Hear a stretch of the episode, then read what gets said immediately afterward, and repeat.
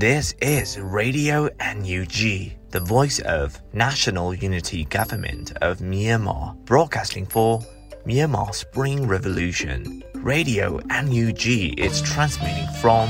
shortwave 16 meter 17.79 megahertz at 8:30 a.m. and 25 meter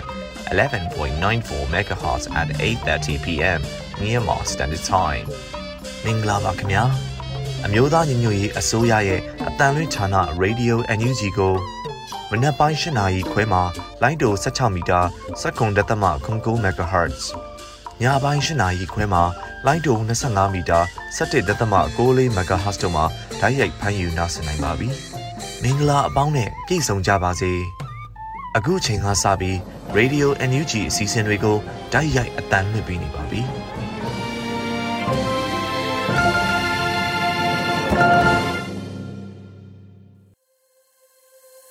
မြန်မာနိုင်ငံသူနိုင်ငံသားအပေါင်းတဘာဝဘေးစစ်အာဏာရှင်ဘေးတို့ကနေကင်းဝေးပြီးကိုစိတ်နှပါဘေးကင်းလုံခြုံကြပါစေလို့ရေဒီယိုအန်ယူဂျီနဲ့အဖွဲ့သားတွေကဆုတောင်းမြတ်တာပို့သလိုက်ရပါတယ်ခင်ဗျာအခုချိန်ကစပြီးကာကွယ်ရေးဝန်ကြီးဌာနရဲ့စီရေးတရင်အချင်းချုပ်များကိုတော့ຫນွေဦးမောင်မှတင်ပြပေးသွားမှာဖြစ်ပါတယ်ခင်ဗျာမင်္ဂလာပါယခုတင်ဆက်ပေးမှာကတော့ကာကွယ်ရေးဝန်ကြီးဌာနအမျိုးသားညီညွတ်ရေးအစိုးရမှထုတ်ဝေသောနိုင်စဉ်စီရေးတရင်အချင်းချုပ်ပဲဖြစ်ပါတယ်ရန်သူတပ်သားတေဆုံစုံစမ်းစေ ရန်သူတပ်သားဒဏ်ရာရစုံစမ်းစေအာနာသိန်းအကြမ်းဖက်စစ်တပ်နဲ့တိုက်ပွဲဖြစ်ပွားမှုတရင်များကိုတင်ဆက်ပေးပါမယ်။စကိုင်းတိုင်းတွင်ဇွန်လ2ရက်နေ့ကကမ်ဘလူမြို့နယ်ချက်သိန်းကြီးရွာပြူစောတိအထိုင်စကန်ရှိရန်သူတပ်သားပြူစောတိများကိုပြည်သူ့ကာကွယ်ရေးတပ်မတော်ကမ်ဘလူခရိုင်တရင်နှင့်ချက်သိန်းတိုက်နယ်ပခဖားတို့ဝင်ရောက်တိတ်ပိုက်ခဲ့သည်။ရန်သူတပ်မှတိုက်လေရင်ဖြင့်ဘုံကျဲတိုက်ခိုက်ခဲ့သဖြင့်ပြည်သူ့ကာကွယ်ရေးရဲဘော်2ဦးကြာဆုံးခဲ့ပြီး4ဦးဒဏ်ရာရရှိခဲ့သည်။ ချက်ကြီးကျေးရွာမှထွက်လာသောစစ်ကူလာသည့်ရန်သူတပ်သားများနှင့်လည်းထပ်မံတိုက်ပွဲဖြစ်ပွားခဲ့ပြီးညနေ9:00နာရီတွင်ထပ်မံတိုက်ပွဲဖြစ်ပွားခဲ့သည်ဆက်လက်ပြီးမကွေးတိုင်းတွင်ဇွန်လ2ရက်နေ့ည9:30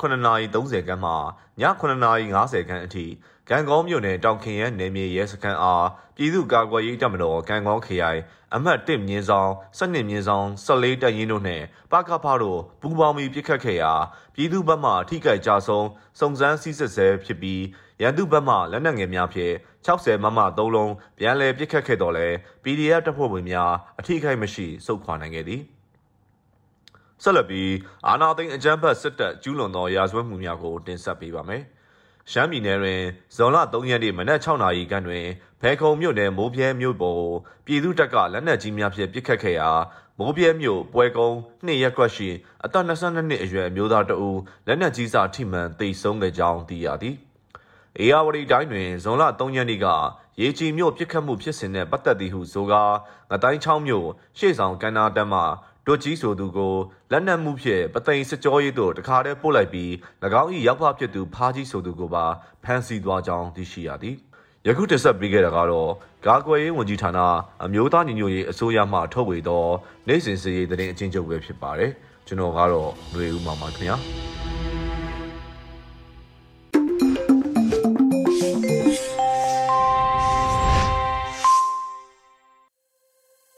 စီးရီးသတင်းအချင်းချုပ်များကိုတင်ပြလုပ်ပေးပါပြီ။ဆက်လက်ပြီးပြည်တွင်းသတင်းများကိုတော့လွတ်လပ်ຫນွေဦးမှတင်ပြပေးသွားမှာဖြစ်ပါတယ်ခင်ဗျာ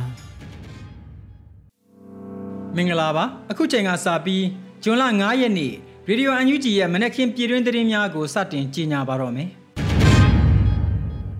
အိန္ဒိယနိုင်ငံအော်ရိတ်တပြည်နယ်၌ဖြစ်ပွားခဲ့တဲ့ယထာမတော်တဆမှုနဲ့ဆက်လင်း၍ပြည်ထောင်စုဝန်ကြီးဒေါ်စင်မာအောင်ကဝန်내ကြောင်းတဝင်လွှာပေးပို့ခဲ့ပါတယ်လို့ နိုင်ငံခြားရေးဝန်ကြီးဌာနကဇွန်လ၄ရက်နေ့မှာအသိပေးထုတ်ပြန်လိုက်ပါတယ်။ပြည်ထောင်စုသမ္မတမြန်မာနိုင်ငံတော်အမျိုးသားညီညွတ်ရေးအစိုးရနိုင်ငံခြားရေးဝန်ကြီးဌာနပြည်ထောင်စုဝန်ကြီးဒေါ်စင်မအောင်သည်အိန္ဒိယနိုင်ငံအော်ရိတ်တပြည်နယ်တွင်ဖြစ်ပွားခဲ့တဲ့ယထာမတော်တဆမှုနဲ့ဆက်လင်းသည့်ဝန်내ကြောင်းတဝန်လွှာကိုအိန္ဒိယနိုင်ငံနိုင်ငံခြားရေးဝန်ကြီးဒေါက်တာဂျေရှန်ကာထံသို့ပေးပို့ခဲ့ပါတယ်လို့ဖော်ပြထားပါတယ်။တဝန်လွှာမှာမတော်တဆမှုဖြစ်ပွားခဲ့ရသည့်အတွက် မိမိတို့အမျိုးသားညွတ်ရေးအစိုးရနဲ့မြန်မာပြည်သူများသည်အိန္ဒိယပြည်သူများနည်းတူပူဆွေးဝမ်းနည်းမိပါကြောင်း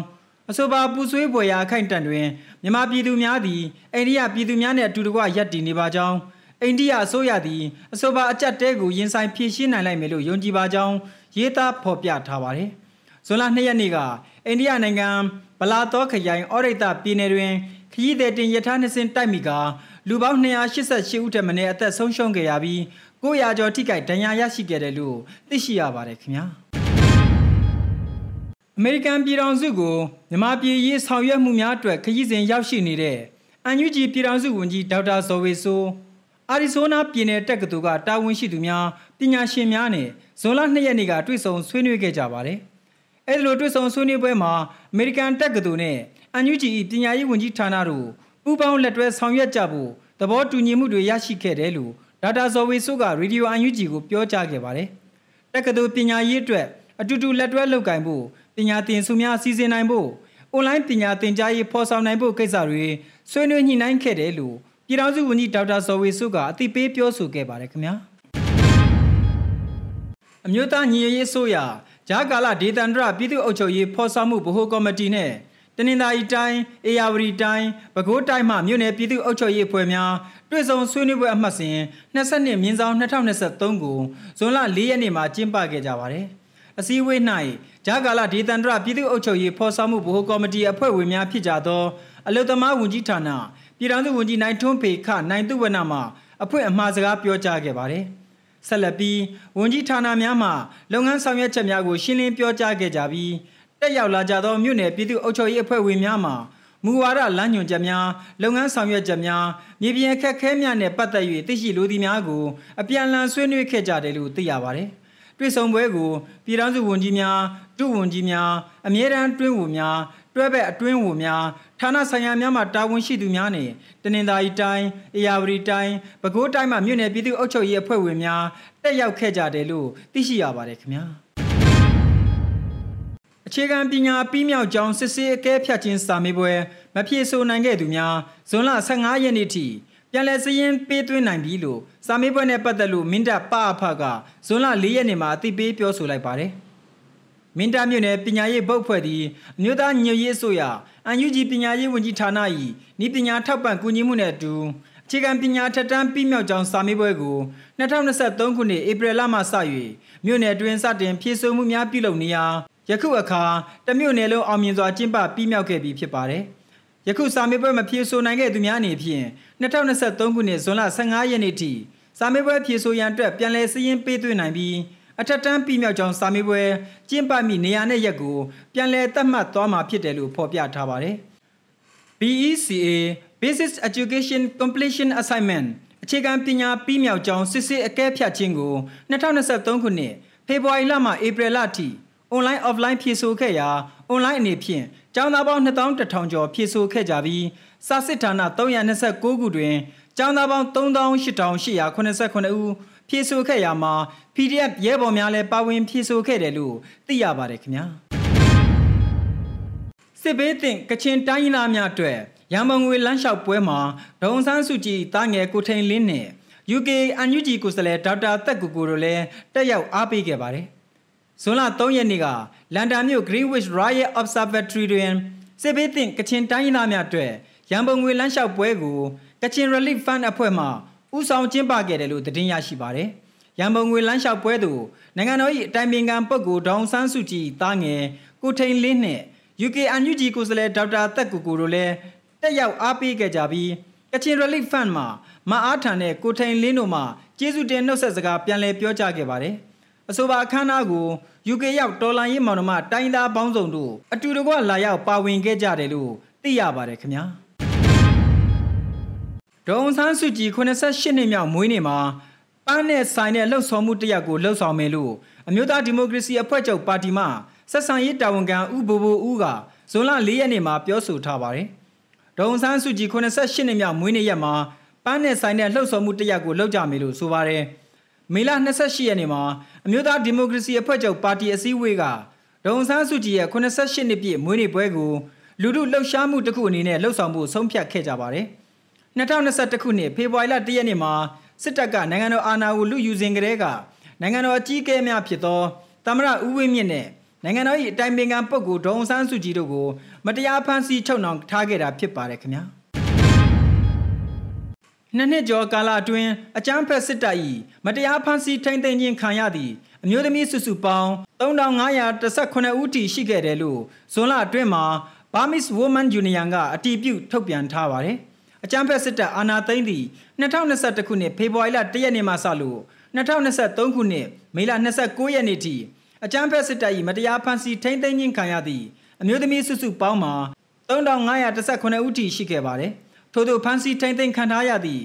အမျိုးသမီး859ဦးသည်မတရားပြစ်ဒဏ်ချမှတ်ခြင်းကိုခံနေကြရတယ်လို့လည်းဖော်ပြထားပါတယ်။2023ခုနှစ်မေလအတွင်းတွင်အကြမ်းဖက်စစ်တပ်၏တစ်ဖက်သက်အမိန့်ချ၍ထောင်ဒဏ်ကြခံနေရသည့်အမျိုးသမီး40ဦးထိရှိတယ်လို့သိရပါတယ်ခင်ဗျာမကွေးတိုင်းကြောက်ထုမြို့နယ်စံတောင်အနီးတွင်အကြမ်းဖက်စစ်ကောင်စီ၏စစ်ကြောင်းနှင့်ကာကွယ်ရေးတပ်များထိတွေ့တိုက်ပွဲဖြစ်ပွားရာ ရန်သူဘက်မှ2ဦးသေဆုံးပြီး4ဦးထိခိုက်ခဲ့တယ်လို့စစ်ရေးသတင်းကို YDF ကဇွန်လ4ရက်နေ့မှာအသိပေးထုတ်ပြန်ထားပါတယ်။ဇွန်လ3ရက်နေ့ညနေ9နာရီခွဲအချိန်ခန့်တွင်မကွေးတိုင်းကြောက်ထုမြို့နယ်စံတောင်နီးတွင်အကြမ်းဖက်စစ်ကောင်စီ၏စစ်ကြောင်းနှင့် YDF ဥဆောင်သောရောနကစစ်ကြောင်းနှင့်ကံကောခရိုင်တပ်ရင်းကိုတက်ခွဲ1ရောချောင်းတက်ခွဲကြောက်ထု PDF ပူးပေါင်းစစ်ကြောင်းတို့အကြား ထိတွေ့တိုက်ပွဲဖြစ်ပွားပြီးရန်သူဘက်မှ2ဦးသေဆုံးက4ဦးထိခိုက်ဒဏ်ရာရရှိခဲ့တယ်လို့ဆိုပါတယ်။အကြမ်းဖက်စစ်ကောင်စီမှအင်အား180ခန့်ပါဝင်သောစစ်ကြောင်းတစ်ကြောင်းသည်မကွေးတိုင်းကြောက်ထုမြို့နယ်အတွင်းရှိစံတောင်ဘက်သို့စစ်ကြောင်းထိုးလာခဲ့သောကြောင့်အခုလိုထိတွေ့တိုက်ပွဲဖြစ်ပွားခဲ့ခြင်းဖြစ်ပါတယ်။တိုက်ပွဲတွင်ရန်သူအကြမ်းဖက်စစ်တပ်ထံမှခဲယမ်းကြီးစံတချို့ကိုလည်းမိမိတို့ဘက်မှသိမ်းဆည်းရမိခဲ့တယ်လို့သိရပါတယ်ခင်ဗျာ။ ချောင်းဦးမြို့ပေါ်ကလဝကယုံနာစစ်ကောင်စီတပ်ဖွဲ့ဝင်၄ဦးကိုပြစ်ခတ်၍၄ဦးစလုံးသေဆုံးကလက်နက်များကိုတင်စီရမိခဲ့ပါတယ်။ဇွန်လ၄ရက်နေ့မနေ့ပိုင်းမှာပြစ်ခတ်တိုက်ခိုက်ခဲ့တာလို့ Farmers Revolution Force မုံရခရိုင်တပ်ရင်းရှိမှတည်င်းအတည်ပြုထုတ်ပြန်ထားပါတယ်။ချောင်းဦးမြို့ပေါ်ကလဝကယုံနာစစ်ကောင်စီတပ်ဖွဲ့ဝင်၄ဦးဟာရုတ်တရက်ပြစ်ခတ်တိုက်ခိုက်ခံရလို့သေဆုံးခဲ့ပြီးစစ်စင်ရေးကိုမိနစ်အနည်းငယ်သာအချိန်ယူဆင်နွှဲခဲ့တာဖြစ်ပါတယ်။ တည်ဆုံးသွားတဲ့စစ်ကောင်စီတပ်များထံမှ BA63 G3 လေးလက်ကြီးပေါက်၄ခုနဲ့ကြီး49တောက်ကိုသိမ်းယူနိုင်ခဲ့တယ်လို့သိရပါတယ်ခင်ဗျာ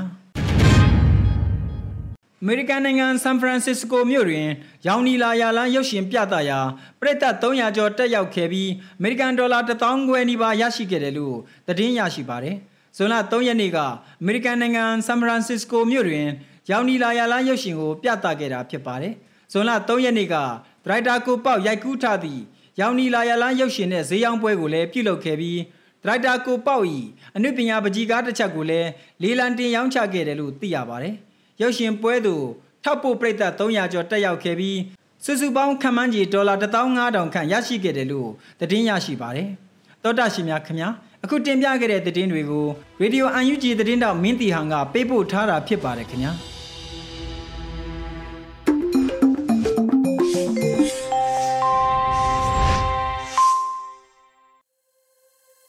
ရေဒီယိုနီဂျီမှဆက်လက်တင်ပြနေပါတယ်။တော်လိုင်းရေးကြပြကဏ္ဍမှာတော့မောင်မိုးအေးရေးသားပြီးကိုရိုင်းဖတ်ကြားထားတယ်။မန်းလေးကိုလွမ်းနေပြဆိုတဲ့တော်လိုင်းရေးကြပြကိုခန်းစားနားဆင်ကြရမှာဖြစ်ပါတယ်ခင်ဗျာ။မန်းလေးကိုလွမ်းနေပြမောင်မိုးအေးမန်းလေးကိုလွမ်းနေပြမန်းဆောင်ဟာတိတ်ကြည်နူးဖို့ကောင်းတဲ့အကြောင်းတွေတမိတ်တမောတေချာပြောပြခြင်းသေးတာ။ရေးဆက်ထုံခဲနေတဲ့သူမလက်ကို နွေးနေအောင်ထွေထားပေးရင်ဖြတ်တန်းခဲ့ဘူးတဲ့စောင်းညတွေအကြောင်းရောပေါ့ထားပါလေဝီယန်ထွန်းကျယ်စင်နဲ့အခြားသောသူရဲကောင်းတွေသွေးမြေခါကြခဲ့ရတဲ့နောက်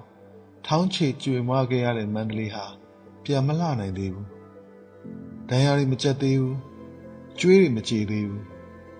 ဒါကိုခမရလဲသိရဲ့ကျွန်တော်လည်းသိပါရဲ့ဗျာ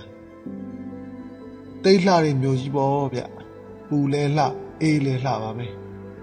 ချုပ်တန်းဆရာဖေကမန်းတုံအောင်ဖိခဲ့ရပေမဲ့လည်းအတော်ချစ်ခဲ့ပုံရပါတယ်ဒါကြောင့်လည်းကြပြဖြစ်ပေတာပေါ့လေမန်းလေးသားတွေတောင်းဝင်ကြပါလေတော်လိုင်းနှိုးစော်တန်းကမန်းကစတယ်လို့လဲထုတ်ပွဲဟာလည်းမန်းပါပဲတီးလိမ့်မယ်လို့ကျွန်တော်တို့ယုံတာပဲဘာနေနေမန်းလေးမှာပဲအောင်လူနဲ့ဟင်းရမယ်မဟုတ်လားမန်းသားတွေကပြည်တော်ဝင်ဖို့မောင်းတင်အားပြင်းနေပြီလေ ချေရတော့မန်းလေးပါဗျာမန်းလေးသားဟာညာသားပဲညာသားဖြစ်ရတဲ့တဲကုံယူဗျာညာသားတွေတကယ်စောသူတို့တကယ်လဲစားရှိကြတဘောဗျမိုင်းရှိရင်ခွဲမယ်ဓာရှိရင်ဖြဲမယ်ဆိုတဲ့ကောင်လေးကျုပ်တို့ရွာကြမ်းမကြိုက်တယ်ဗျာလို့ပြောတတ်တဲ့ရုံးတူထက်ခဲ့တဲ့ဒီပိန်းကညီတော်မောင်ကိုလည်းတတိယရင်အခုတော့သူ့ရွာကပြားပုံဘာမှကိုမကြံရှာတော့တဲ့ပြားပုံ ဘာလို့လို့နဲ့မန္တလေးတကြံမကြရတာလေးနှစ်ရှိရောမယ်တကယ်မလွယ်အာတင်ရတယ်ကျုံတစ်လျှောက်ကလမ်းလျှောက်တကြံကိုမလွမ်းတဲ့မန္တလေးသားရှိမတယ်လားမောင်ကြီးခုမှစကိုင်းမှာဆစ်ဆောင်တဲ့မြို့မအတင်းသားတို့ပြည်တော်ဝင်ကိုဒင်းပြကြက်ပြခံစားမိမာလာဘောမမြို့မကိုတော့စိတ်နာကြဗျာခုတော့တောင်ပေါ်ရောက်ညာသားတယောက်ဘဝမလွယ်ပါလားတဲ့မလွန်လာတဲ့ချယ်ရီတွေပါ မငင်းရပါဘူးသို့တော့ကျုံတစ်လျှောက်ကပတောင်းနဲ့ငူဝါကတော့အိမ်မက်ကိုပိုင်ဆိုးပါလေမညိုညင်ကြပါနဲ့လွန်တာရှိရင်ဝင်နာမိပါလေမီယာအကင်နဲ့ရွှေညိုချင်းအကြောင်းလဲထည့်ပြောမှမန်းလေးဟာပြေဆုံးနေအကင်နဲ့တသိန်းသိန်းနဲ့ထွေရလေးပါညနေခင်းတွေဟာပြောမပြတတ်အောင်တန်မိုးကြည့်နေမောင်ကြီးလူမစုံတော့တဲ့ဝိုင်းတွေလည်းရှိလာပြီလေဘာနဲ့ဖြေမလဲရဲတလဲငိုတလဲဖြေရတော့မယ်ဩမန်းလေးရေ မရောက်ခင်တည်းကကြိုလွမ်းရမယ်လွမ်းစရာတွေများလွန်ပါရဲ့မန်းလေးရေတိတ်လှတဲ့ကျုံနဲ့နဲ့မျိုးယူဒါပေမဲ့မအေးဘေးတွေတက်ဆွဲထားတဲ့ကြက်တုံးအေးမလို့မမစီရီကိုအတွဲလိုက်ပစ်ထည့်ဖို့လည်းဝင်မလေးပါဘူးဒါမန်းလေးသားတယောက်ရဲ့တော်လန်ချစ်ပဲပြီတော်လန်ချစ်ပဲခုများတော့တော်တော်ရဲ့မဆိုးရဲ့လည်းမခွဲတော့ပါဘူးမန်းလေးမုတ်တီတဲလွန်းတကူပဲမုတ်ပြစ်ပြစ်အချစ်စစ်စစ်လိုရမောင်ကြီး ပဲမုတ်ပြစ်ပြစ်အချစ်စစ်စစ်လိုရှေ့တာဆိုရင်တော့မီးရှေ့ပဲကောင်းတယ်တော်လန်ကြီးမပါဘူးဗျာဝက်ပြီးဝက်သိရင်မန်းလေးပြန်မယ်တစ်ချောက်လန်းနေနေဘတ်ထူးနေနေဗျာတစ်သားခွေးချီခုံပူလေးတွေလွမ်းနေတစ်ချောက်လန်းမှာတစ်သားခုံပူနဲ့ပလတ်စတစ်ခုံပူဘာဘာဆိုတာမသိရင်အဲ့ကောင်မန္တလေးသားမစစ်ဘူးမန္တလေးသားမစစ်ဘူးမောင်ကြီးလက်ဖက်ရည်ဖြစ်ပြီးရောတအိုးကြဘာလာလာတောင်းနေမန္တလေးသားတွေမတော့ဘူးဗျ သူဒီကာလာကြားစိန်ဟာတကယ်အမှုပညာမြော်တော့လက်ဖက်ရည်ပါလူဖြစ်ကျုံနဲ့လောက်ရဲ့လို့ပြောယူရတယ်လွမ်းလိုက်ပါရဲ့ဗျာရောမဆုံးသောလွမ်းခြင်းတွေမန်းလေးအပေါ်တီမီရင်ဖြစ်တော်တာပါပဲအောင်ပွဲနဲ့အတူပြန်ခဲ့မယ်စေးကြတော်ရင်တပြေညိုနဲ့သာကြိုပါလေကျွန်တော်မောင်မိုးအေးပဲခံစားရွတ်ဖတ်ထားပါတယ်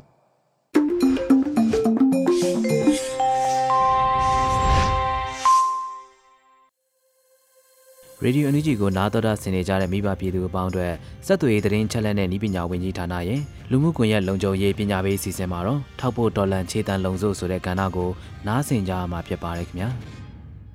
တော်လိုင်းရေး post များကို လုံခြုံစွာတင်ကြမယ် social platform များပေါ်တွင်နယူးတော်လိုင်းရေးအကြောင်းအရာများကိုနေ့စဉ်လိုလိုမြင်ကြရဖတ်ကြရဖြန့်ဝေနေကြရအောင်မှာကခေတ်ရဲ့လိုအပ်ချက်တစ်ခုဖြစ်နေပါတယ်တော်လိုင်းရေးအစောပိုင်းနဲ့စာရင်တော့ new feed ပေါ်မှာ စစ်အာဏာရှင်ဆန့်ကျင်ရေး post တွေနဲ့အတူတော်လိုင်းရေးတပ်ဖွဲ့များထံဆက်သွယ်နေကြထောက်ပို့လမ်းကြောင်းတွေကလည်းရော့ကျနေတာကိုတွေ့ရပါတယ်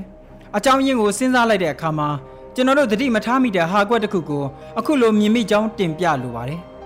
မြန်မာနိုင်ငံသားတွေနေ့စဉ်လိုလိုထိတွေ့နေကြတာကအားလုံးသိတဲ့ Facebook ဆိုတဲ့ platform ပါတဦးချင်းအကောင့်သာမကစာမျက်နှာများဖွင့်လှစ်ခြင်းအုပ်စုဖွဲ့ group ထောင်ခြင်းလိုက်လွင့်ထုတ်ဖော်ပြောဆိုခြင်းတို့ကိုနေ့စဉ်ပြုလုပ်လျက်ရှိရမှာ စစ်အာဏာရှင်စန့်ကျင်ရေးတော်လှန်ရေးအကြောင်းတွေကမပါမဖြစ်ပါပဲတရားသောတော်လှန်ရေးဘက်မှအကောင့်များစာမျက်နှာများရှိတဲ့ကဲ့သို့စစ်ကောင်စီဘက်မှအကောင့်များစာမျက်နှာများတည်င်းထုတ်လွှင့်မှုများလည်းရှိကြပါတယ်မိမိတို့တော်လိုင်းအင်အားစုများအနေနဲ့ထောက်ပို့ကူညီနိုင်ရေးနှိုးဆော်ခြင်းများသာမကတော်လိုင်းပစ္စည်းများရောင်းချခြင်းတရားဝင်ဘွန်းစာချုပ်ရောင်းချခြင်းတို့ကိုလည်းတဒတ်တအားလှုပ်ဆောင်လျက်ရှိကြပါတယ်မြေပြင်တပ်ဖွဲ့များအတွက်ထောက်ပို့အင်အားစုများရဲ့ Facebook platform ကတဆင့်ကူညီနိုင်ခဲ့မှုဟာဆိုရင် အားရစရာအခြေအနေရှိခဲ့ပူပါတယ်မဲရောင်းချခြင်းအလှခံခြင်းစီရီယာများကိုထောက်ပံ့ခြင်းဆိုင်ရာနဲ့ကြေညာချက်များထုတ်ပြန်ခြင်းတို့ဟာ Facebook စာမျက်နှာကိုအတိတ်ကအားထားလှုပ်ဆောင်ကြရတာဖြစ်ပါတယ်။မိမိတို့မဖြစ်မနေသိရှိထားရမယ့်အချက်ကတော့တော်လိုင်းဆိုင်ရာ post များကို like react share comment ပြုလုပ်သူများထဲတွင်မိမိတို့တော်လိုင်းအင်အားစုများသာလှုပ်ဆောင်နေတာမဟုတ်ဘဲစစ်ကောင်စီဘက်မှပြည်သူတစ်ဆက်ပေါက်ဒလန်ကောင်းများရဲ့အကောင့်များလည်းပါဝင်နေဆိုတာပါပဲ။ အခုလိုသူ့ဘက်ကိုယ့်ဘက်နှစ်ဖက်စလုံး comment ရေးသားခြင်းပြန်လည်ဖြန့်ဝေခြင်းပြုလုပ်ကြရမှာ public နဲ့တင်တဲ့ post အားလုံးကိုမြည်သည့်ဘက်ကမဆိုမြည်သည့်အကောက်ကမဆိုမြင်နိုင်ဖတ်နိုင်ကြည့်ရှုနိုင်ကြတာလည်းဖြစ်ပါတယ်တောတာရှင်များခင်ဗျာအခုလိုအဖြူအမဲအတိအကျခွဲခြားရန်မဖြစ်နိုင်တဲ့ Facebook platform ပေါ်မှာစစ်ကောင်စီအားပေးအကောင့်ပေါင်းများစွာသတင်း၌သတင်းယူဒလန်များစွာဟာမိမိတို့တော်လိုင်းအင်အားစုများရဲ့အကောင့်တွေစာမျက်နှာတွေထဲမှာနေ့စဉ်ဝင်ရောက်ကြည့်ရှုနေကြပါတယ် ထို့သောဝင်ရောက်ကြည့်ရှုနေရမှာတော်လိုင်းအားပေးသူတွေရဲ့ကွန်မန့်များမှတဆင့်အကောင့်များမှတဆင့်တည်လိုတဲ့အချက်လက်တွေကိုရှာဖွေခြင်းအဖြစ်အန်ဒီရဲ့ပေးနိုင်ရန်စင်ကဲစောင့်ကြည့်လျက်ရှိနေကြတာမျိုးပါ public နဲ့တင်လိုက် share လိုက်တဲ့ post တစ်ခုကိုကွန်ပျူတာမှာဝင်ကြည့်လျင်ညီသူက share လိုက်ကြောင်းအရေးအတွက်များများ share လိုက်ကြောင်း share လိုက်သူရဲ့တိကျကုတ်ရေးပုံများ comment များအားလုံးတို့ကို post ပိုင်ရှင်သာမကဘဲအခြားသောအကောင့်ပိုင်ရှင်များလည်းဝင်ကြည့်လို့ရသွားပါတယ်ထို့သောပေါ်ပေါ်တင်တင်ဖြစ်သွားတဲ့အတွက် မိမိတို့ပေါ်ဆစွာပြောဆိုရေးသားထားမှုများအပါအဝင်အခြားဆက်နွယ်နေမှုများ friend list ပါချိတ်ဆက်မှုများမသိမမြင်အပ်သောတပ်ပုံများအားလုံးကိုဖွင့်ချမိတဲ့ကဲ့သို့ဖြစ်သွားပြီးထိုမှတဆင့်ခြေရာခံအန်ဒီရပေးလိုက်လံဖမ်းဆီးမှုများပြုလုပ်နေကြတာကို တွေ့ရှိရပါတယ်။ဟန်ငိမ့်ဦးကြော်စွာဗညွန့်ဖောကောင်းတက်ကြကြီးဖိုးစီတန်တာညွန့်အစရှိတဲ့အစုအဖွဲ့များမှအဆိုပါ data များကိုရယူကပြည်သူလူထုအားအကြောက်တရားကြီးမအောင်ကြံစီနေကြပါတယ်။ ဆီအာနာရှင်ကိုတော်လန်သည့်အချက်တစ်ခုနဲ့ညီစွန်းတည်တဲ့တပြိုင်နက်တရက်နှစ်ရက်တပတ်အတွင်းလာရောက်ဖမ်းဆီးမှုများတစစများပြားလာနေပါတယ်။ဒီမာရင်ရက်တန်နေမှာမဟုတ်ပဲတော်လိုင်းရဲ့အဖွဲ့အစည်းများဖြစ်ကြတဲ့ PDF MOD NUG ချက်ဆက်မှုရှိနိုင်သည်ဟုတွက်ဆ၍စစ်ဆေးမင်းများမှုများပြုလုပ်လေရှိပါတယ်။ထို့နောက်တွင်ထင်ရစိုင်းနှိပ်ဆက်ထောင်ချငွေညှစ်နှီးမျိုးစုံနဲ့မိမိတို့တော်လိုင်းရေးထောက်ခံသူများအပေါ်အကြောက်တရားများဆက်တိုက်ထည့်ပါတော့တယ်။ထို့ထို့သောဖြစ်ရများကြောင့် မိမိတို့ဘက်မှငွေပမာဏအနည်းများလိုက်အထောက်ပံ့ပေးနေနိုင်သောထောက်ပို့များတဖြည်းဖြည်းချင်းရပ်ဆိုင်းသွားသည်ကိုလည်းတတိပြုကြရပါတော့မယ်။တစ်ဖက်ကပြန်လဲဆင်ကျင်ရမယ့်အချက်ကတော့တော်လိုင်းရဲ့ post များရေးသားဖြန့်ဝေခြင်းမပြုလုပ်ဖို့တတိပေးခြင်းမျိုးမဟုတ်ပါဘူးမိမိတို့ရဲ့ပော့ဆမှုကိုခြေရာခံပြီးအရမအင်အားစုများဘက်ကအာသာချက်ရယူသွားနိုင်သည်ကိုထောက်ပြဆွေးနွေးခြင်းသာဖြစ်ပါတယ်ခင်ဗျာမြေပေါ်မြေအောက်တော်လိုင်းရေးလှုပ်ရှားမှုအားလုံးကခြေတံလုံဖို့အလွန်အရေးကြီးပါတယ်မိမိတို့ဘက်မှခြေတံလုံ၍ ဂွင်းဆက်ဖျောက်ထားနိုင်ပါက၎င်းတို့ဘက်မှ data ရရှိနိုင်မှုတော်တော်များများရပ်သွားပါလိမ့်မယ်တော်လိုင်းရေးဆယ်လီများမှလွဲ၍တော်လိုင်းရေးတွင်တနည်းမဟုတ်တနည်းပါဝင်နေသူများသည်မိမိတို့အကောင့်အား profile lock ချ၍ပိတ်ထားခြင်းနှင့်ယုံကြည်ရသောမိမိတို့အသိမိတ်ဆွေများကိုသာဖတ်ခွင့်မြင်ခွင့်ကွန်မန့်ခွင့်ပေးသင့်လှပါတယ်။တက်နိုင်သမျှတော်လိုင်းရေးနဲ့ပတ်သက်သော post များအားဝင်ရောက်၍ကွန်မန့်ရေးခြင်းကိုရှောင်ရှားပါ။ဝင်ရောက်ပြောဆိုရေးသားရန်ဆန္ဒရှိပါလျင်မိမိ data များမပါဝင်သောအကောင့်အသစ်တစ်ခုကိုဖွင့်၍ ဝင်ရောက်ရေးသားခြင်းပြုလုပ်ပါ။တော်လိုင်းရေး post များ share မည်ဆိုပါကလည်း privacy setting ကို friends only ပြုလုပ်၍ရှယ်ပါထိုအခါမူရင်း post ပိုင်ရှင်များသည်မိမိတို့ share သောအကြောင်းအရာများနှင့်မိမိတို့ကော့လုပ်၍ပြောဆိုမှုများ comment ဝင်ရောက်ရေးသားမှုများကိုလုံးဝမြင်ရမည်မဟုတ်တော့ပါစစ်ကောင်စီဘက်ကရန်သူခွေးတို့ရဲ့အနံ့ခံခြင်းမှရှောင်ရှားနိုင်ကြပါရန်အခုလိုတတိပေးနှိုးဆော်ရခြင်းဖြစ်ပါတယ်ထို့ကဲ့သို့ Facebook platform ပေါ်မှာတတိကြီးကြီးထားပြီးတော်လန်ရေးကိုတနည်းနည်းနဲ့ပါဝင်မယ်ဆိုရင် ရန်သူစစ်ကောင်စီတို့ရဲ့စုံစမ်းထောက်လှမ်းနိုင်မှုအားနည်းသွားမှာဖြစ်ပြီးတော့မိမိတို့တော်လိုင်းရေးမိတ်ဆွေများဘက်ကလည်းအကြောက်တရားကင်ကင်နဲ့ပန်းတိုင်ကိုအရောက်လှမ်းသွားနိုင်ကြဖို့ဖြစ်ပါတယ်။ဒီလိုနည်းအားဖြင့်မိမိတို့ရဲ့တရေကောင်းများဖြစ်တဲ့တော်လိုင်းရေးတရင်တပ်ဖွဲ့များထံထပ်ဖို့လမ်းကြောင်းများအဆက်ပြအားနည်းသွားခြင်းမရှိစေရန်မေတ္တာရှိထားယုံကြည်မှုအားနဲ့တတိပေးလိုက်ရပါတယ်ခင်ဗျာ။အရေးတော်ပုံအောင်ရမည်။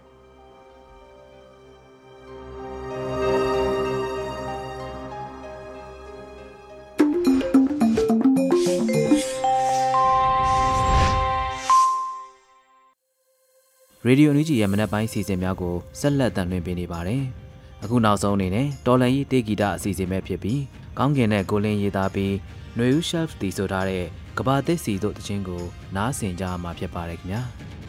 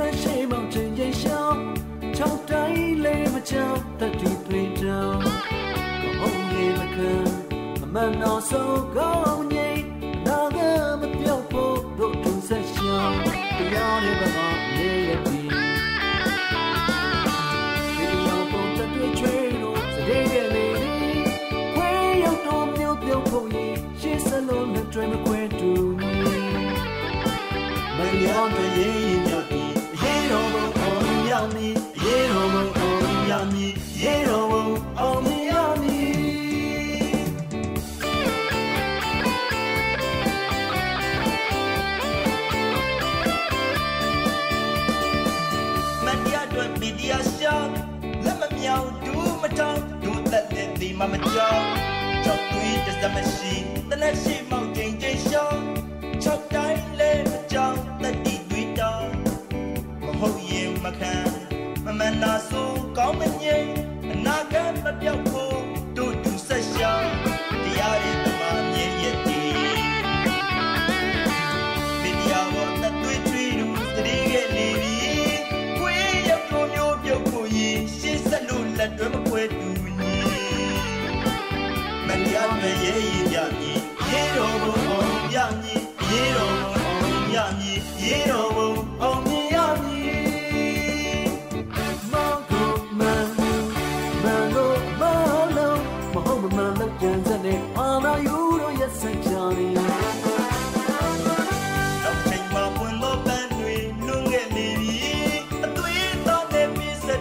က်